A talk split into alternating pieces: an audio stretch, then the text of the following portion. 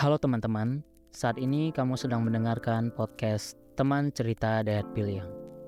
Di sini kamu bisa bercerita tentang apa pun yang bisa bikin resah dan gelisahmu berkurang. Aku ingin podcast ini bisa menjadi ruang aman dan nyaman untuk kita menceritakan hal-hal yang mungkin tak bisa kita bagikan ke orang-orang.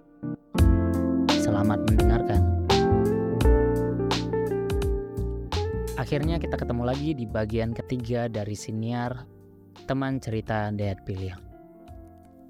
Hari ini aku nggak akan nanya gimana kabarmu. Tapi aku akan mendoakan untuk kita semua semoga dalam keadaan baik selalu. Amin. Amin.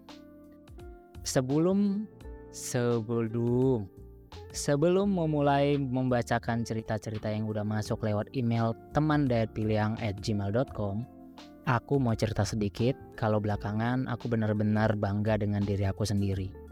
Yang semangat menulisnya udah kayak dulu. Seperti aku lima tahun yang lalu. Menulis dengan hati, menulis untuk membagikan hal-hal yang dirasa bermakna untuk diri sendiri. Diri sendiri dulu baru untuk orang lain. Meski masih banyak yang perlu ditata dan dirapikan lagi dari hidupku, tapi setidaknya aku ngerasa lebih baik dari aku yang sebelumnya. Yang hilang jati dirinya dan bingung mau dibawa ke mana hidupnya. Karena itu aku bikin siniar ini. Siniar, siniar. Lebih te podcast atau siniar bebas ya. Ya karena itulah aku bikin siniar ini karena aku paham betul rasanya sepi dan sendiri di saat kita sedang tidak baik-baik aja. Kita perlu teman cerita untuk meluapkan beban yang sudah memuncak. Karena setiap energi-energi negatif perlu kita buang agar kita lebih ringan dalam melangkah. Semoga siniar ini seperti yang aku bilang di awal bisa menjadi ruang yang aman dan nyaman untuk kita semua menumpahkan cerita yang ada. Oke, kita masuk ke cerita yang pertama. Eh, bukan cerita yang pertama ini di sini di bagian ketiga ini hanya ada satu cerita karena ceritanya cukup panjang. Dan tadi aku juga udah baca sedikit. Bukan sedikit semuanya udah aku baca tapi sekilas saja supaya ngerti alurnya.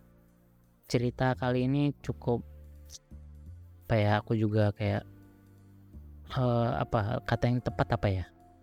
Meringis uh, prihatin atau apa gitu karena terlalu sensitif sebenarnya ceritanya dan aku mau ngucapin terima kasih karena kamu sudah berbagi cerita ini di uh, siniar teman cerita Dead Piliang. Semoga uh, lega kamu sudah bercerita di sini walaupun nggak pasti ada solusinya. Setidaknya di siniar teman cerita Dead Piliang ini bisa jadi sarana untuk kamu meluapkan apa yang ada di hatimu beban-beban dan energi negatif itu. Itu harapanku. Mari kita masuk ke ceritanya. Dikirimkan oleh seorang wanita yang dia tidak disebutkan namanya ya. Halo. Assalamualaikum bang Dayat Aku salah satu pengikut di Instagram Bang Dayat dan juga ngikutin Telegram teman Dayat Piliang. Beberapa bulan ini aku sudah jarang sekali berkomentar di postingan abang. Padahal sewaktu itu aku sering memberikan komentar, hampir di semua postingan Bang Dayat. Aku melihat di Telegram kalau Bang Dayat bersedia mendengarkan segala cerita-cerita dari pengikut abang. Waduh pengikut. Kayaknya kata yang tepat pembaca ya. Karena kalau pengikut berasa nabi. Oke, kita lanjut. Di sini aku ber, di sini aku ingin bercerita kalau aku sedang menjalin hubungan atau bisa disebut uh, berpacaran dengan saudara sepupu dari teman perempuanku. Awalnya berjalan baik. Aku tidak memiliki pikiran kalau dia seorang laki-laki yang nakal. Aku mengerti kalau semua orang punya masa lalu yang kelam tapi tidak menutup kemungkinan untuk dia berubah. Bahwa yang dia lakukan itu salah dan ingin menjadi pribadi yang lebih baik lagi dari sebelumnya. Hubungan kami yang awalnya baik-baik aja berubah drastis karena sikap dan perlakuan dia ke aku sangat tidak baik. Dia secara tidak langsung melecehkan aku lewat kiriman DM Instagramnya, yang mana itu sebuah postingan dari akun online shop luar negeri yang menjual dalaman wanita dan beberapa dalaman laki-laki. Begitu juga ketika sedang video call. Seringkali dia mengajakku untuk membicarakan topik 21 plus yang mana dari respon dan ekspresiku yang sudah ter, tidak terlihat uh, yang sudah terlihat tidak nyaman justru malah diteruskan untuk membicarakan hal tersebut dan berujung aku yang terbawa emosi karena dia sudah mengerti aku seperti itu tapi masih aja dibicarakan satu kali dua kali mungkin masih bisa aku maklumi Kalaupun itu membicarakannya tanpa jelas dan diberi lelucon sedikit, aku tidak masalah. Karena teman-temanku terkadang seperti itu juga kalau kami sedang kumpul. Namun ini sudah beda lagi ranahnya, yang mana mengarah untuk melakukan hubungan seksual. Aku bingung harus bagaimana untuk beberapa bulan terakhir ini. Pada akhirnya keputusanku pun bulat dan aku menceritakan semua perihal perlakuan bejatnya ke temanku ke teman saudara sepupu dari pacarnya itu. Betapa terkejutnya temanku ini mendengar cerita dariku. Tak lupa juga aku menyelipkan beberapa bukti yang mana dia pernah berkata sangat tidak pantas kepadaku. Temanku berkata kalau dia tidak bisa diam begitu saja. Karena ini sudah melampaui batas dan temanku menyarankan menyarankan aku untuk menceritakan semua ini kepada kakak perempuannya. Aku menghubungi kakak perempuannya lewat DM Instagram pribadinya. Yang awalnya aku hanya bertanya perihal sikap dia di rumah dan lingkup sekitarnya seperti apa, justru malah aku diberi pertanyaan balik. Menurut kamu gimana?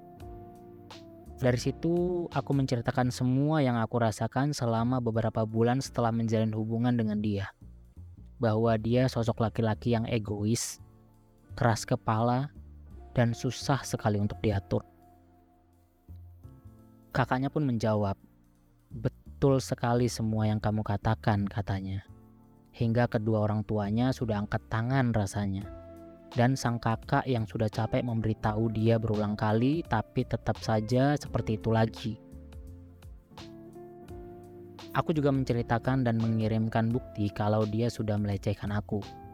Dari bukti tersebut, kakaknya langsung minta maaf kepadaku mewakili sikap adiknya yang kurang ajar itu dan berkata akan menegurnya agar perbuatan tersebut tidak terulang kembali.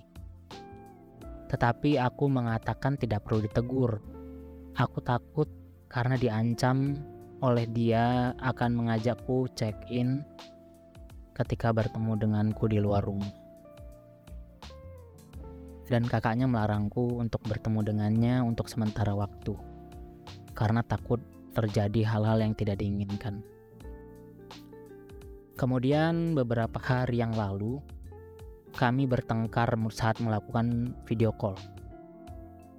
Di mana jika melakukan video call, kami biasanya saling menanyakan keseharian masing-masing, membicarakan hal random dan jika sudah tidak ada pembahasan apa pun, akan diam selama 10 menit lamanya kadang juga bisa lebih.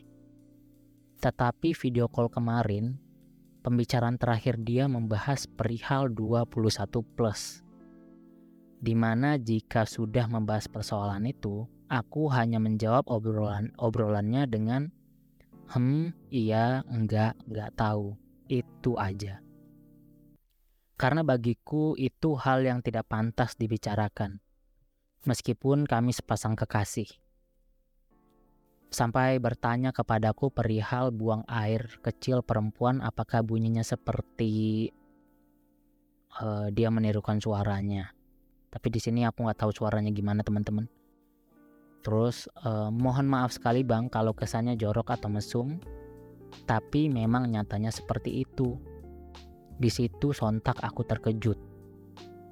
Tapi aku berusaha menahan emosiku.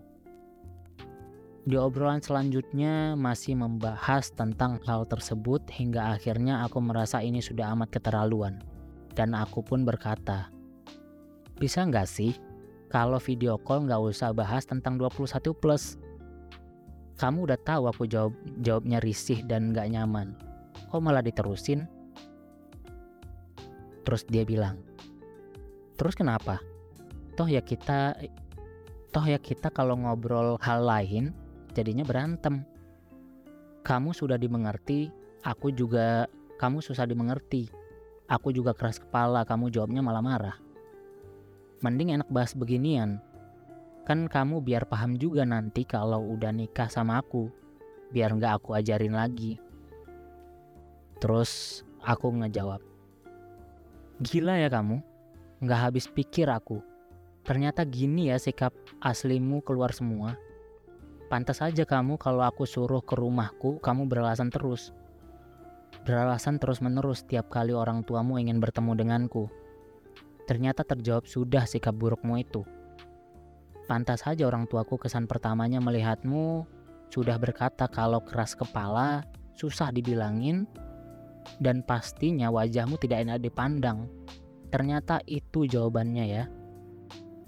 Terus dia bilang, awas aja nanti, lihat aku bakal dapetin hati orang tuamu, dan kalau sudah mendapatkan semua itu, Aku akan ajak kamu check-in tanpa sehelai kain pun. Tunggu aja waktu yang akan mengubah situasimu. Terus aku ngejawab, anjing, lelaki bangsat, bajingan. Dan setelah itu aku nggak tahu dia ngomong apa lagi, nggak begitu jelas, dan langsung video callnya pun mati. Setelah kejadian itu, kita nggak pernah lagi komunikasi. Baik lewat chattingan WhatsApp ataupun video call. Sudah berjalan tiga hari ini. Aku ingin lepas rasanya dari dia, tapi aku takut bang.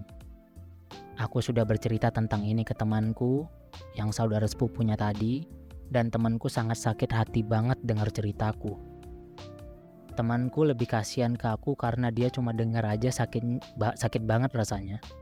Apalagi kalau berada di posisiku. Aku cuma bisa nangis terus saja. Ganggu konsentrasi kerja iya.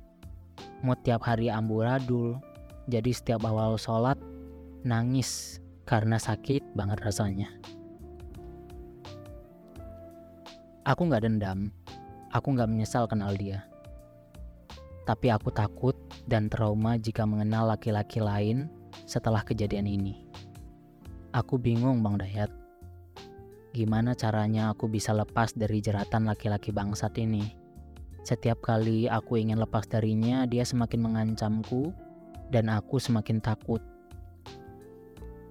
Aku bercerita ke sini karena aku ingin ceritaku didengar oleh seorang laki-laki, entah itu teman atau kerabat terdekat tapi nyatanya nggak semua bisa aku ceritakan. Sewaktu aku membuka telegram teman Dayat Piliang, aku membaca kalau Bang Dayat bersedia menjadi pendengar semua cerita dari teman-teman Dayat Piliang. Di situ aku memberanikan diri untuk bercerita tentang aku, tentang ceritaku yang sangat mengganggu isi kepala dan membuatku sakit hati ketika mengingatnya. Oh ya, kami LDR beda kota tapi masih satu provinsi. Kayaknya aku tidak perlu menyebutkan nama daerahnya ya teman-teman. Dan dia lahir, si cowok ini, lahir dari kalangan keluarga yang bisa dikatakan cukup paham agama dan sangat menjaga sekali soal adab dan sikap. Terima kasih untuk uh, Bang Dayat sudah bersedia menjadi pendengar yang baik da, di uh, menjadi pendengar yang baik di semua cerita teman-teman Dayat Pilihan. Aku harap Bang Dayat menjadi sosok lelaki yang bertanggung jawab. Jangan pernah sekalipun mengecewakan seorang perempuan.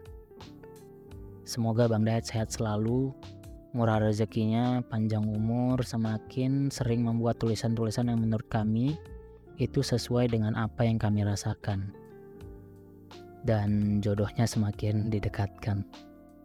Amin ya Allah, amin. Salam dari aku dari kota itu suatu kota di daerah Jawa Timur.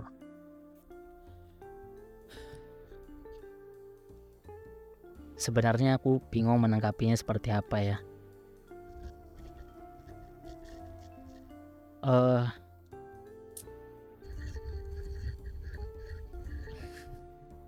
aduh, speechless kayak apa? Ya? Ya sebelumnya terima kasih karena kamu sudah berani menceritakan ini di sini. Karena kayaknya nggak semua orang bisa menceritakan hal-hal sesensitif ini ya. Yang kayak kamu bilang kan kamu juga nggak bisa menceritakan hal sensitif ini ke uh, seorang laki-laki yang entah itu kerabat atau teman kamu gitu kan. Tapi kamu berani menceritakan semuanya di sini secara gamblang mungkin kayaknya udah semua yang kamu ceritakan itu perlu diapresiasi karena kamu sudah berani bercerita. Dan ya memang tidak mudah ya. Memang fase tuh yang kamu bilangkan ini lagi laki-laki bajingan ini brengsek ini. Tapi aku bingung nih dia kenapa seperti ini ya? Ya paham sih. Uh, cowok cowok ya bukan cowok ya kayaknya manusia ada ada ada hasrat seperti itu ya. Tapi kalau tidak dikendalikan tidak bisa mengendalikan lebih tepatnya berarti kan dia tuh nggak punya otak gitu kan. Aduh memang anjing laki-laki kayak gitu ya. Tapi kamu jangan takut. Kamu harus lepas dari laki-laki itu kalau memang udah nggak nyaman ya. Atau kalau misalnya ini terlalu berbahaya kalau menurutmu terlalu berbahaya meskipun ini LDR hitungannya kamu bisa coba minta bantuan ke LBH atau Komnas eh, perempuan yang bisa yang mungkin bisa membantumu dengan hal-hal yang kejadian yang kayak gini gitu. Karena ini memang udah sangat berba kayaknya sangat berbahaya ya nih. Walaupun kayaknya cuma ngancem tapi kita nggak tahu karakter si cowok itu gimana. Apakah dia orang yang nekat? Kalau kalau dia tipikal orang yang nekat dia bisa berbuat yang mungkin tidak kita perkirakan gitu. Bisa jadi ancamannya beneran dia lakukan gitu tapi kalau kamu tetap bertahan kan kamunya sendiri juga nggak nyaman kan. Memang ini harus dilepas hubungan kayak gini. Karena kamu udah berulang kali bilang ke dia kamu tidak nyaman membahas hal-hal seperti ini kan. Ya harusnya dia mengerti tapi karena dia tidak mengerti ya cukup sampai di situ. Jangan dilanjutkan lagi. Kalau misalnya kamu punya ketakutan kamu coba cari bantuan yang kamu rasa itu benar-benar bisa membantumu gitu. Ya seperti yang aku bilang bisa ceritakan ini ke siapalah yang bisa ngelindungin kamu. Kalau misalnya kalau seumpama hal-hal yang dia ancam itu beneran dia lakukan. Semoga tidak ya, semoga itu cuma sekedar ancaman-ancaman busuk. Karena dari apa namanya? dari omongan dia itu kayaknya dia tipikal laki-laki yang mungkin cuma bebal tapi dia kayaknya penakut sebenarnya nggak tahu juga ya karena aku juga nggak tahu karakter cowoknya sih kalau aku tahu mungkin oh atau jangan-jangan terlalu ekstrim. Maksudnya kalau dipukulin rame-rame kan terlalu kriminal ya. Ya kayaknya emang kamu harus lepas. Bukan kayaknya lagi kamu bener harus lepas dari dia. Kamu harus menjauh dari dia. Dan jangan takut kamu harus cari perlindungan ke lembaga-lembaga yang bisa membantu kamu. Kalau misalnya kamu punya ketakutan itu gitu ketakut di ancaman itu dilakukan gitu. Meskipun LDR ya meskipun jauh. Aku nggak tahu seberapa jauhnya dari kota itu ke kota itu. Kayaknya nggak terlalu jauh. Aku pernah soalnya aku pernah ke kota itu. Kayaknya cuma sekitar sejam atau leb atau lebih dikit kalau nggak salah untuk ke kota itu. Jadi aku punya bayangan itu dibilang nggak jauh sih. Walaupun LDR tapi itu masih kejangkau banget gitu. Jadi ya apa ya? Ya kamu harus pick up soal ini sih ke orang-orang terdekat kamu gitu ya. Ke orang-orang yang bisa kamu percaya ya jangan ke sembarang orang. Karena nggak semua orang bisa dipercaya. Tapi kamu harus ceritakan ini dan kamu coba tanyakan bagaimana uh, mengatasi ini gitu. Jangan dipendam sendirian. Kamu perlu bertindak kamu perlu mencari bantuan. Kamu minta tolong sama teman kamu yang itu yang kamu udah cerita yang uh, teman kamu yang sepupunya si cowok kamu yang brengsek itu. Kamu cerita ke teman kamu ini gimana ya ini solusinya? Bisa nggak tolong aku? gitu. Kita coba cari bantuan yuk uh, begini begini begini atau coba kamu bilang ke dia ke si cowok itu dulu uh, kita nggak bisa lanjut lagi gitu. Tapi kan toh belakangan juga udah ini ya udah putus hubungan ya. Kayaknya yang perlu dilakukan adalah jaga diri aja. Semoga itu nggak benar-benar dia lakukan. Semoga itu cuma ancaman aja supaya biar uh, apa namanya itu sekedar ancaman untuk ngendaliin kamu aja gitu. Menebar rasa takut biar kamu nggak nggak ninggalin dia biar kamu uh, nurutin maunya dia gitu. Semoga itu cuma sekedar ancaman. Jadi kamu harus berhati-hati dan jangan coba karena ini udah putus hubungan ya. Bukan mau saya karena udah nggak kontakan lagi coba diamin aja diamin aja jangan coba-coba ngechat jangan coba-coba ngehubungin. Siapa tahu perlahan semua menjadi asing aja gitu. Dan semoga dia uh, apa namanya ketemu dengan cewek yang pantas yang bisa dia perlakukan kayak maunya dia itu. Dan apa lagi ya oh ya jangan trauma jangan sampai kamu takut untuk berkenalan dengan laki-laki karena kisah ini karena nggak uh, nggak semua laki-laki seperti dia tapi kamu uh, karena dari cerita ini ya, dari kisah ini kamu jadi punya gambaran kan. Kamu bisa metik hikmah. Kalau suatu ketika nanti kamu harus membicarakan ini dengan orang yang lagi dekat sama kamu. Gitu. Kayak kamu udah ngasih border di awal. Aku menjalin hubungan itu bukan untuk seperti ini, seperti itu yang kamu nggak suka kamu bilang misalnya ada cowok yang deketin kamu yang berusaha uh, menyatakan perasaannya ke kamu dan kamu juga tertarik kamu juga harus tegas ke diri kamu gitu ya. Ini untuk uh, benteng pertahanannya gitu. Untuk memfilter orang-orang yang uh, biar yang kayak si cowokmu yang brengsek ini masuk lagi gitu. Jadi kamu harus bicarakan. Kamu harus tegas jangan asal menerima gitu walaupun kamu tertarik banget nih sama nih orang dari perawakannya dari luarannya kamu harus bilang ke dia aku tuh kalau pacaran nggak mau yang seperti ini seperti ini seperti ini. Nggak suka yang seperti ini seperti ini. Kalau kamu nggak apa namanya kalau kamu nggak bisa jangan masuk. Mending pergi gitu. Memang agak aneh ya gitu. Kayak uh, seolah-olah ini proses negosiasi seolah-olah ini kayak apa namanya kontrak apa segala macam tapi itu perlu. Perlu dilakukan karena itu sebagai bentuk ketegasan aja gitu. Dan memfilter orang-orang. Karena orang-orang seperti ini dia bisa berkamuflase biasanya kan. Tujuannya lain gitu.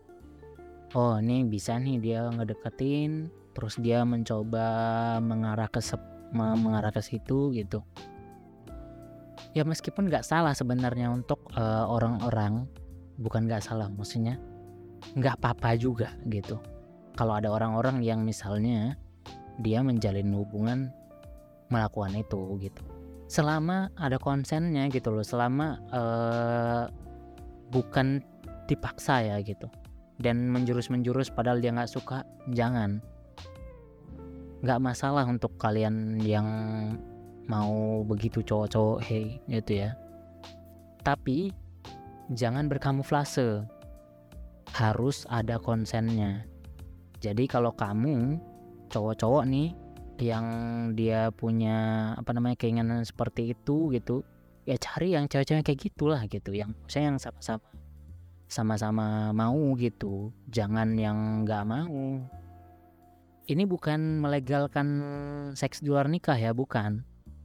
Cuma kan kayaknya ini uh, perlu dibahas lah. Maksudnya ini kan sudah umum kayaknya di era sekarang gitu.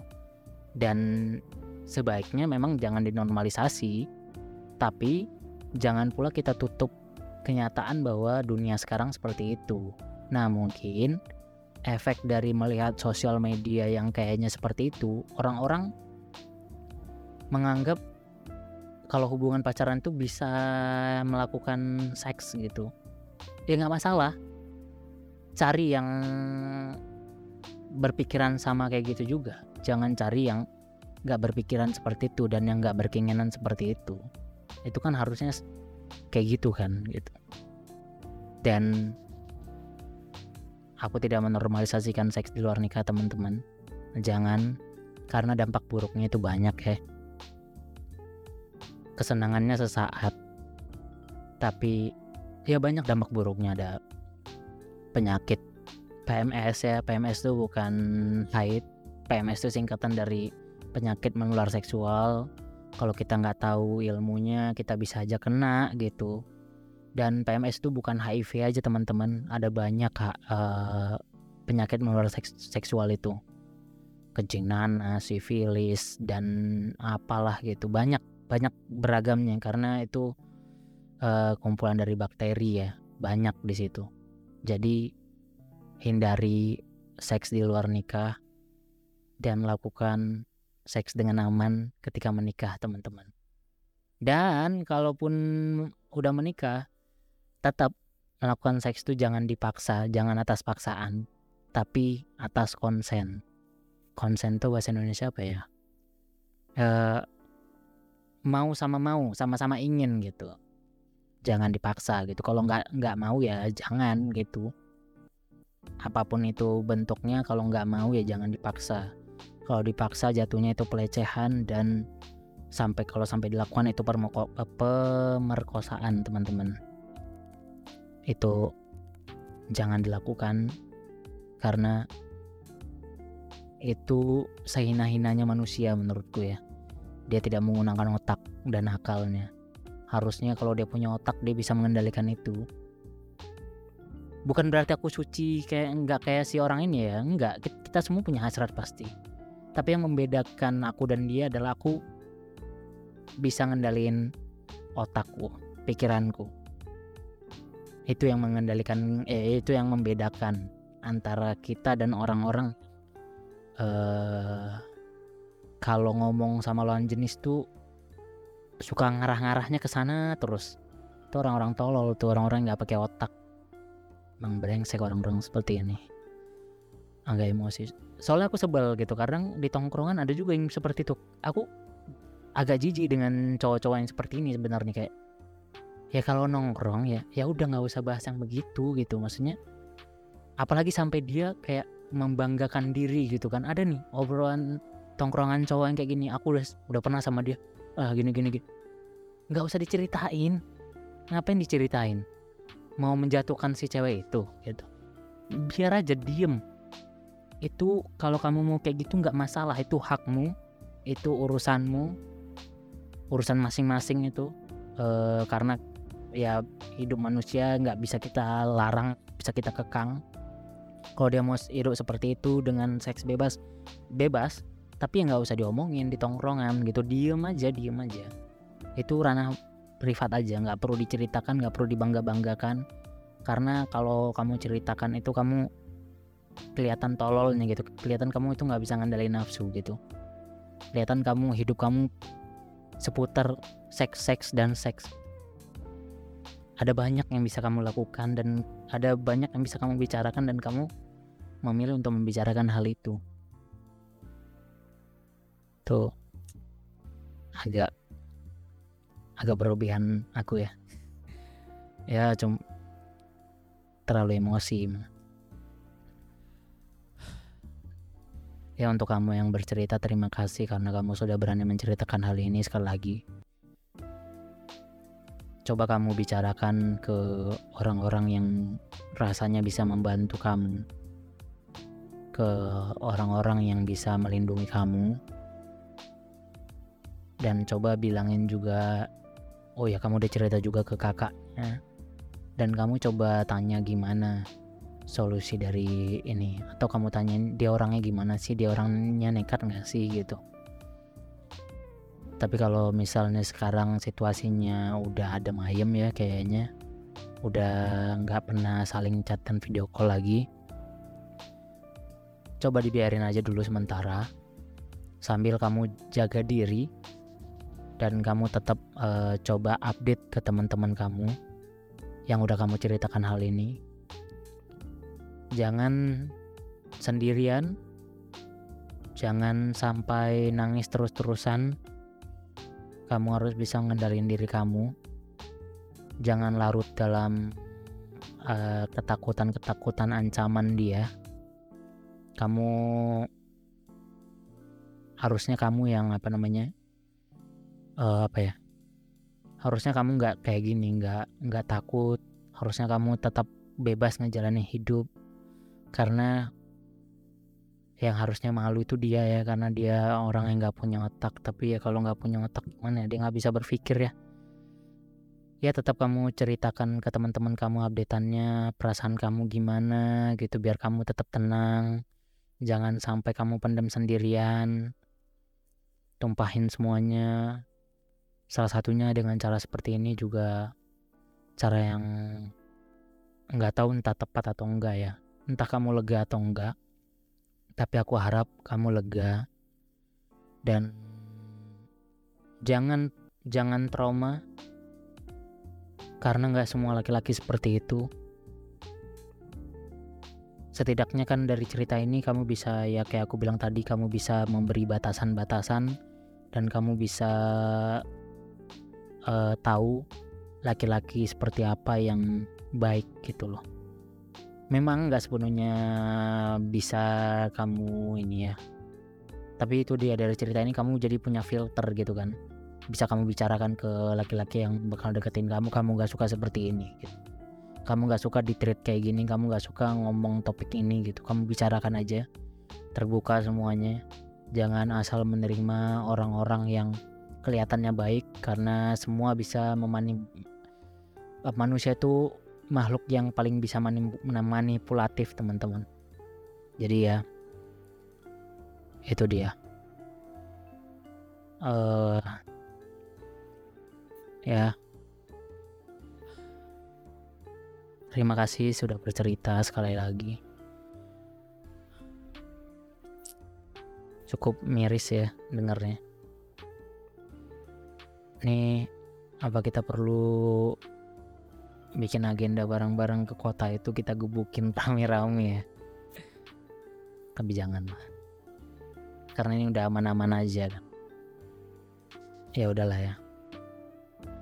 Semoga kamu kuat ngejalanin hari-hari kamu. Tetap bertahan ya jangan ngerasa takut pokoknya. Jangan ngerasa sedih jangan sampai mood kamu berantakan. Sekali lagi aku bilangin tetap jalanin hidup seperti biasanya. Oke. Okay. Itu aja. Memang gak ada solusinya ya. Tapi ya semoga bikin kamu lega lah setidaknya.